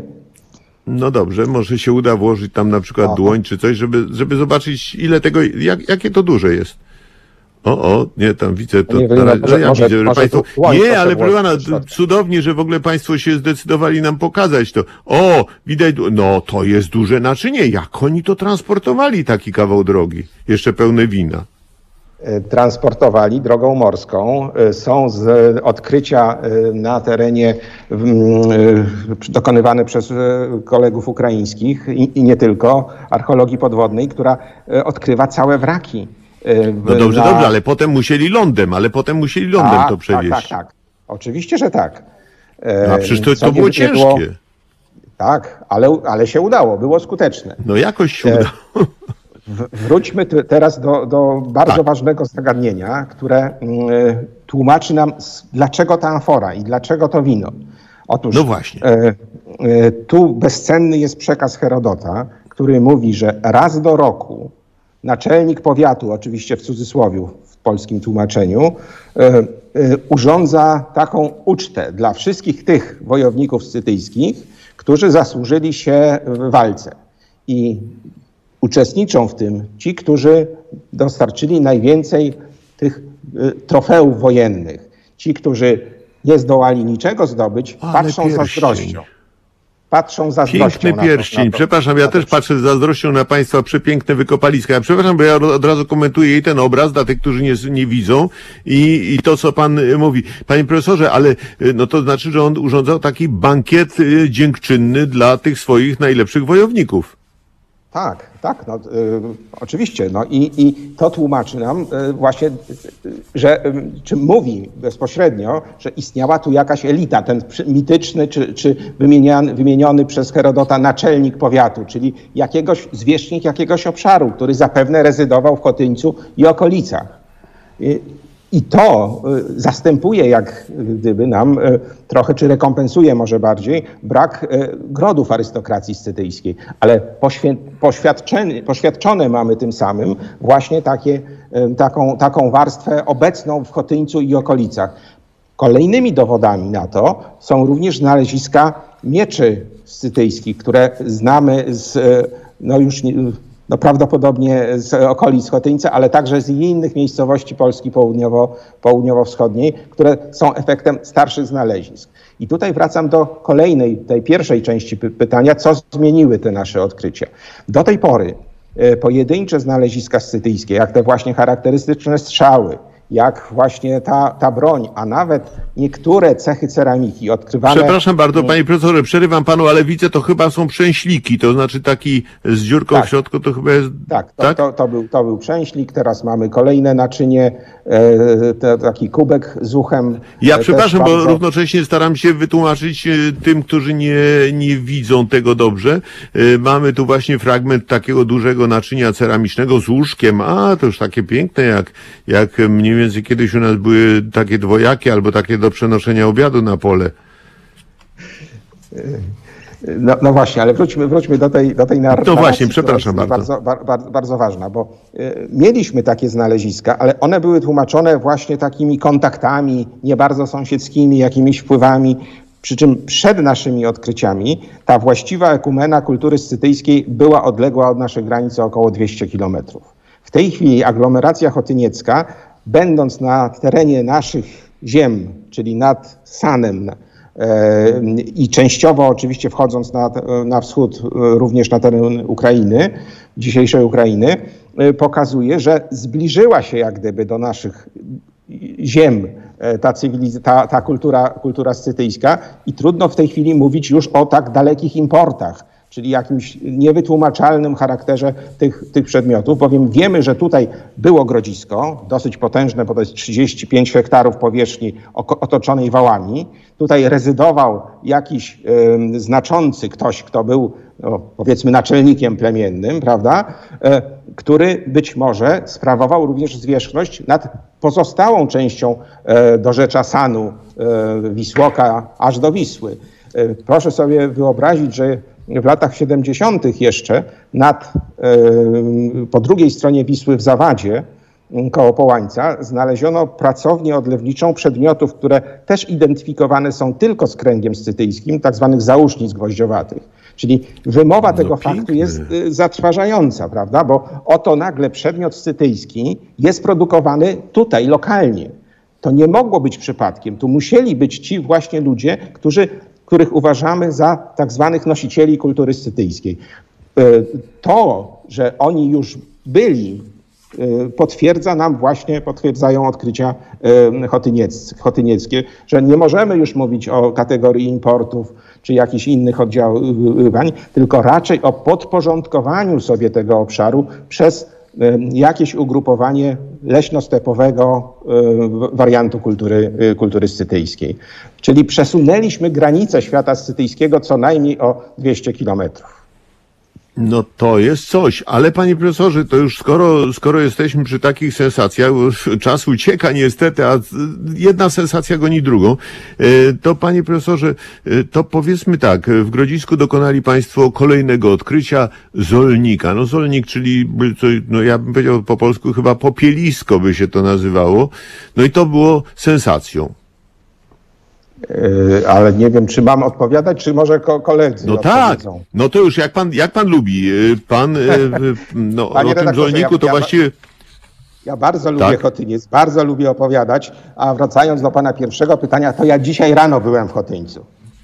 O, no to, no i to, i to jest właśnie ta aktualność programu. E, Pan, e, wiem, że pan Tokarczyk e, mówił właśnie, czy, czy charakteryzował to odkrycie, ale właśnie ten zolnik. To może, może dopuśćmy, że tak powiem, młodego magistra, młodego archeologa, który opowie o tym zolniku, dobrze? Bardzo proszę. Halo, halo? O, państwo przekazują sobie chyba telefon, tak. Czy przypadkiem się słyszymy? Panie doktorze, halo, słychać mnie? Tak, jest to tak. Słychać pana bardzo dobrze. Tak? Halo, halo? Panie Tomaszu? Coś się nam urwało jakoś. Pan... Halo, halo? Zaraz. O tak, no jeste, jesteśmy, jesteśmy, panie Tomaszu. Halo, słychać mnie? Tak, bardzo dobrze pana słychać. Dziękuję. Mm, Odpowiadając na Pana pytanie, e, co właściwie e, odkrycie Zolnika i co tam mm, zostało znalezione, No właśnie, co tam jest? co tam jest? Jest to, mm, powiedzmy, miejsce odprawiania e, w różnych okresach czasu pewnych rytuałów związanych właśnie z konsumpcją wina, mięsa, czyli de facto my tam odnajdujemy fragmenty ceramiki potłuczonej, fragmenty amfor, kości zwierzęce, które e, są pozostałościami e, konsumpcji mięsa, przedmioty brązowe typie właśnie tych, e, które pan przed chwilą redaktor oglądał, czyli te grociki, e, te ozdoby, e, te wszystkie fragmenty ceramiki są właśnie z tego zolnika, czyli mm, te przedmioty właśnie w tych kolejnych warstwach e, popiołu e, odnajdujemy. I to jest właśnie, właśnie coś takiego. To nagromadzenie tych zabytków e, w zolniku jest ogromne. Proszę sobie wyobrazić, że e, liczba fragmentów ceramiki jest liczona w tysiącach. E, O! Podobnie, e, tak. I to jest obszar badań zolnika, to jest powiedzmy 20 arów. Na tych 20 arach powierzchni mamy kilka tysięcy fragmentów ceramiki.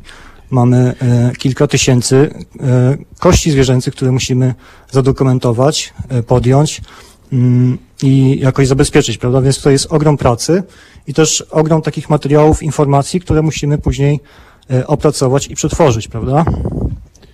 Ale e, przepraszam panie Tomaszu, to może pan powie w takim razie, no dobrze, jak, jak to wobec, wobec tego wyglądało? Co oni robili takie, jak kiedyś u nas były uroczystości dziadów, takie dziady na tym, na tym, no nazwijmy to cmentarzu, kurhanie, nie wiem jak to nazwać.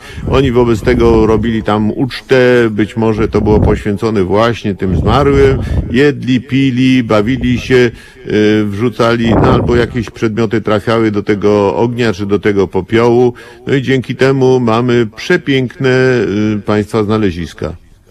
Może bardziej to była uczta wyprawiana przez tego naczelnika plemienia, który tam swoich... Aha, e, no tak, no tak. Może powinniśmy pójść w tą stronę bardziej, zwłaszcza, że właśnie w Zolniku e, mamy znajdowane i tą główną amforę prawie w całości, ale też fragmenty pozostałych amfor, więc może bardziej ta interpretacja powinna iść e, w tą stronę i w stronę właśnie takich uczt, e, no właśnie dla swoich najlepszych wojowników, e, taką, no jak to pan powiedział redaktor wcześniej, dziękczynną, prawda? Może w tą stronę powinniśmy w interpretacji tego e, obiektu iść. No tak. Y, No w takim razie, ale właśnie, co było w takim razie rewelacją tego, y, tego zolnika? To, że było tak dużo tych kości, że tak dużo było tych znalezisk, tak dużo było tej ceramiki. Co było w, tego, w tym najciekawsze? No właściwie e, wszystko, co pan redaktor powiedział. Aha, E, no, Przede wszystkim tak, Zolnik, jedyny na ziemiach polskich, prawda? Mamy pierwsze grodzisko na ziemiach polskich, syryjskie, mamy pierwszy Zolnik, mamy pierwszą amforę e, grecką, e, z, tak, e, też z Zolnika, mamy pozostałe amfory, e, mamy bardzo dużą ilość e, zabytków związaną z kulturą scytyjską, więc tutaj ta ilość e, tych rzeczy jakby fenomenalnych i sensacyjnych jest powtarzalna, prawda? Mamy tego bardzo dużo. Więc tutaj trudno też jakby wybrać e, jeden taki, e, jedną powiedzmy najlepszą rzecz, ale no, Ale amfora chyba jest tutaj taką naj, najbardziej Jasne. e, ewidentną Nie, rzeczą. nie, no ale to jest spektakularne, proszę pana, no wiadomo, to wszystkim się najbardziej podoba. Ale- re, reakcja słucha, e, słuchaczy o tym świadczy. E, Panie profesorze, to ja może teraz do pana profesora Szopka, to może mi pan powie łaskawie, no była tutaj, mieszkali ci Celtowie, mieszkali kilkaset lat, zbudowali to gro, no, grodzisko, pilnowali tego obszaru, władali nim. No kto ich wyparł i dlaczego i w jaki sposób?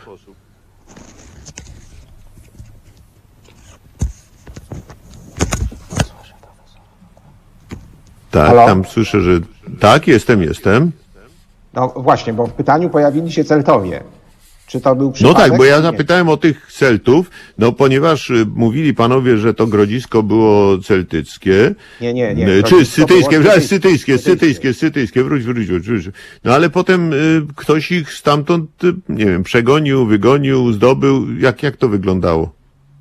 No to trzeba łączyć z e, kresem e, tej kultury w, na całych stepach e, ś- wschodnioeuropejskich. I tak jak już e, nadmieniliśmy, e, z Scytów e, przegonili Sarmaci. Podobny lud o podobnej kulturze, e, ale mm, no nie, niezbyt przyjaźnie nastawiony do, do, do, do, do, Scytów właśnie. I zostali oni zepchnięci na południe i takim przyczółkiem, gdzie kultura celtycka, kultura scytyjska jest obecna jeszcze w pierwszych wiekach naszej ery, jest Krym. Oni po prostu zasiedlili tereny, tereny Krymu, A. które z kolei były, były mm, y, zwolnione, czy, czy y, może to złe, złe sformułowanie, bo tutaj istotnym graczem są również e, kolonie greckie, które przecież od VII wieku sytuują się na wybrzeżach Morza Czarnego, w tym także na Krymie. Jeżeli słabnie Grecja mm, antyczna, słabną kolonie. Jeżeli słabnie, e, e, słabnie no, słaby, e, słabną Scytowie na stepach, to słabnie również Chotyniec. On już nie ma racji bytu jako ta, jako ta forpoczta całego świata scytyjskiego. I, Aha. tak, I taki jest e, kres. I to na pewno się stało e, co najmniej w IV wieku, e, a może nawet pod koniec V wieku e, przed Chrystusem. Jasne, ale panie profesorze, wspominali państwo również o Celtach. Ja tych, tych Celtów to jakoś tak miałem głęboko w, w że tak powiem, w pamięci. Nie, nie.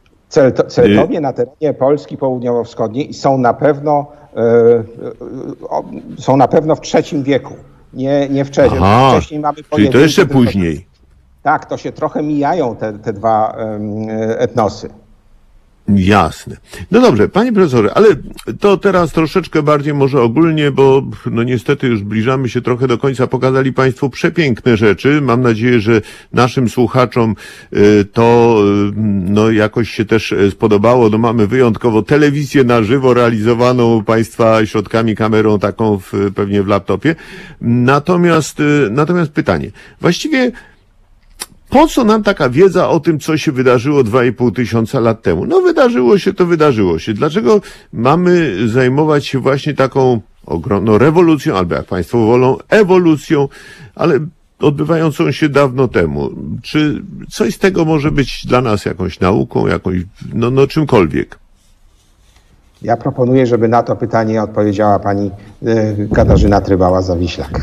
No proszę bardzo, jeżeli Pani e, profesor zechce, to zrobi. Tak, słucham Panią, Tak? Panią profesor, tak? Jeśli, tak, jeśli mnie słychać, to, to bardzo słychać. dziękuję za to pytanie, bo, bo to pytanie jest bardzo słuszne, bo rzeczywiście my się możemy zastanawiać nad tym e, e, w konfrontacji z takimi e, nowoczesnymi wynalazkami, z postępem nauki w tylu różnych dziedzinach. To możemy powiedzieć, nas interesuje to, co będzie w przyszłości, to, co jest teraz, ale po co nam właściwie ta przeszłość? Pani profesor, ale ta mam przeszłość... tylko uwagę. Gdyby pani troszeczkę odsunęła mikrofon od ust, Tak. bo słychać strasznie te Dobrze. uderzenia pom- powietrza. O, Dobrze, Bo- ale ta, ta, ta wiedza o przeszłości, ona jest nam bardzo potrzebna, dlatego że to jest po prostu część naszego y, dziedzictwa kulturowego, a to dziedzictwo archeologiczne y, musi być częścią tego naszego dziedzictwa kulturowego. I nam jest potrzebna taka wiedza o, nie tylko o naszej historii, ale także o naszej prahistorii, także tej takiej lokalnej. E, My mamy, to nas bardzo cieszy, bo my mamy odwiedziny bardzo wielu takich grup szkolnych w Chotyńcu. E, Nie tylko z tych szkół okolicznych, ale nawet też z tych dalej położonych. E, Także takie prywatne wycieczki osób, które sobie organizują wyjazdy, chcą zobaczyć, jak pracujemy w terenie. Odwiedziny różnych stowarzyszeń czy fundacji i kiedy pytają nas, co my, co my tutaj robimy, na czym polega nasza praca, co my odnajdujemy, e, to, y, to my traktujemy to, te opowieści nasze o przeszłości, o tym, co robimy e, obecnie, ale o tym, jak tę przeszłość odkrywamy, to traktujemy to jako rodzaj takiego przesłania. E, No, te najmłodsze pokolenia to tutaj y, no, muszą ponieść jakoś tę wiedzę y, dalej, naprzód. E, Zwłaszcza, że w szkołach niestety na tych kursach historii, na tych lekcjach historii o archeologii mówi się bardzo niewiele. A my tutaj powinniśmy czerpać z takich najlepszych europejskich wzorców. Jest przecież Europejska Konwencja o ochronie dziedzictwa archeologicznego. E, Są, e, znamy takie przykłady działających naprawdę w czasem bardzo niewielkich miejscowościach, e, takich maleńkich muzeów, takich izb pamięci. Ale to jest bardzo potrzebne, bo czasami te właśnie dzieci podczas wycieczek pytają nas, co my mamy zrobić, kiedy no, chociażby podczas spaceru z rodzicami znajdziemy jakiś zabytek archeologiczny. Natrafimy na coś interesującego. I te pytania nas bardzo cieszą, bo my staramy się wtedy uświadamiać, nie zostawiajcie tego dla siebie, zostawcie to dla przyszłych pokoleń. E, Zanieście to, poinformujcie o tym, chociażby jakieś okoliczne najbliższe muzeum. Jeżeli nie, e, poinformujcie chociażby nauczyciela w szkole. E, Na pewno będzie wiedział, co z tym dalej zrobić. To jest, to jest niezwykle, niezwykle ważne. Przecież, no, już można powiedzieć nawet to Pierwsze muzeum tworzone przez księżną Izabelę Czartoryską na przełomie XVIII-XIX wieku, świątynia Sybilli tak zwana, e, tam e, przy- przyświecało temu jedno fantastyczne, naprawdę uniwersalne i wciąż aktualne hasło. Przeszłość przyszłości. E, I, i i, I dlatego właśnie powinniśmy wiedzieć o tym, co się tutaj działo 2,5 tysiąca, czy 3 tysiące, czy 5 tysięcy lat temu, bo to jest, to jest wiedza o naszym dziedzictwie kulturowym. E, I, I ona jest bardzo ważna do tego, żeby budować przyszłość. Ale przepraszam, pytanie takie, czy poza Polską y, też może to kogoś interesować albo w ogóle interesuje? Tak, my, my y, rzeczywiście spotykamy się z ogromnym zainteresowaniem y, specjalistów, y, archeologów, ale i nie tylko, poza Polską. Chotyniec odwiedzili już naukowcy z, z Ukrainy. Było bardzo duże zainteresowanie naszych kolegów z Czech czy Słowacji, zainteresowanie kolegów archeologów z Niemiec. Zresztą publikujemy artykuły na temat Chotyńca w takich naszych no, branżowych czasopismach specjalistycznych w Niemczech, e, w Mołdawii. Cały czas opracowujemy te materiały. Niestety, no, siłą rzeczy teraz w dobie pandemii e, te kontakty są tylko zdalne, więc wymieniamy się mailami, e, kontaktujemy się telefonicznie. E, Cały czas jesteśmy na etapie konsultowania wielu różnych problemów i zagadnień, ale Chotyniec, chociaż te nasze odkrycia najbardziej sensacyjne, kiedy odkryliśmy amforę kiedy odkryliśmy grodzisko, to jest rok 2016 i 2017, mamy końcówkę roku 2020, a on ciągle wzbudza zainteresowanie, czego no, mamy nadzieję dowodem i przykładem jest właśnie ta dzisiejsza audycja. No, oczywiście, ale pani profesor, przepraszam, to jeszcze jedno pytanie, bo mm, wspomniała pani tutaj o artykułach. Czy dałoby się przeczytać coś takiego popularnego? No bo są piękne rzeczy, no właśnie tak jak ten pierścień, który teraz y, państwo pokazują. Przed chwileczką była taka szpila, bardzo ładna, no pewnie nie jedna pani chciałaby mieć coś takiego, y, na przykład do upięcia koka. Y, Natomiast, natomiast właśnie, czy coś popularnego, żeby tak normalny człowiek mógł sobie poczytać o ciekawe rzeczy. Czy napisali państwo coś takiego, czy jest dostępne, gdzie to można kupić, co można przeczytać? Tak, oczywiście. W prasie lokalnej e, na bieżąco ukazywały się e, artykuły. Wtedy, kiedy dokonywaliśmy tych najbardziej sensacyjnych odkryć, e, to wówczas rzeczywiście mm, bardzo dużo było słychać o Chotyńcu i bardzo dużo o Chotyńcu pisaliśmy. Bardzo dużo w prasie lokalnej, ale do tej pory to oczywiście cały czas trwa, również i w wielu takich wydawnictwach internetowych, do których możemy mm, podać też linki, odnie- odniesienia do stron internetowych. No bardzo proszę, to- Się, to zadbamy To o to, pani, żeby, pani profesor, żeby... przepraszam, to ja od razu, od razu na gorąco, mam nadzieję, że y, słuchacze mnie poprą. To ja popro, proponuję w ten sposób. Y, Ten program będzie udostępniony na mojej stronie Wiktor Niedzicki o polskiej nauce. Y, Jeżeli państwo zechcą pod tym w charakterze komentarza podać takie linki, to ja sądzę, że wielu naszych słuchaczy będzie zadowolonych. No nareszcie można przeczytać coś normalnym językiem, no bo przepraszam, ale państwa publikacje archeologiczne są dosyć hermetyczne. Tak, oczywiście, bo, bo, są, bo są adresowane do stosunkowo wąskiego grona odbiorców. Natomiast Tak, dbamy o popularyzację tak. Chotyńca, w ogóle szeroko rozumianą popularyzację nauki z największą przyjemnością. Dołączymy się tutaj do, do tych z Państwa, którzy są zainteresowani, udostępnimy wszelkie materiały, te popularno-naukowe, które dotychczas się o Chotyńcu ukazały i na pewno będą się jeszcze ukazywały, bo y, z największą radością my przyjmujemy takie sygnały nawet naszych tutaj y, mieszkańców Chotyńca, tych naszych takich sąsiadów, w naszych wykopaliskach, kiedy on, oni mówią do nas, napiszcie nam coś jeszcze o Chotyńcu, bo, bo chcemy przeczytać. I, no pięknie. I, tak, i, i, tego typu sygnały traktujemy z największą radością i przyjemnością, ale też podchodząc do tego naprawdę odpowiedzialnie, bo chcemy informować. Zresztą mieliśmy, mieliśmy w planach zorganizowanie takiego naprawdę dużego przedsięwzięcia, takiego pikniku naukowego w Chotyńcu. Zaplanowany był już termin, to się miało odbyć w maju tego roku. E, dla całej okolicznej ludności, dla, dla lokalnej społeczności, ale nie tylko. E, właściwie z no, całego, można powiedzieć, województwa zaproszone dzieci, zaproszone wszystkie osoby, tak, które by chciały wziąć w tym udział. Miał to być pierwszy chotyniecki piknik naukowy, nie tylko pod znakiem archeologii, ale też i innych dziedzin nauki. Niestety przez pandemię się to nie udało, ale z tego pomysłu nie rezygnujemy. To jest, to jest tylko odroczony termin. Bardzo serdecznie dziękuję. No niestety, przykro mi bardzo, ale musimy kończyć spotkanie, bo takie są wymogi. E, natomiast dziś moimi gośćmi w Halo Radio, fantastycznymi gośćmi z fantastycznymi e, gawędziarzami e, są archeolodzy z Rzeszowa, pan profesor doktor habilitowany Sylwestek Czopek, pani doktor habilitowana Katarzyna Trybała-Zawiślak, pan doktor Wojciech Rajpold, e, pan magister Marcin Burchardt, pan magister, e, pani magister Ewelina Tokarczyk i pan magister Tomasz Tokarczyk. Tokarczyk. Serdecznie Państwu dziękuję. Było nam ogromnie miło. Reakcja naszych słuchaczy świadczy o tym, że to się wszystkim bardzo spodobało. Mam nadzieję, że jeszcze wrócimy do tematu i oczywiście będziemy mówili o tym i publikowali na, w mediach społecznościowych. Co ciekawego można przeczytać o tych właśnie badaniach archeologicznych. Dziękuję bardzo, a z naszych słuchaczy zapraszam za tydzień na dwie kolejne ciekawe godziny.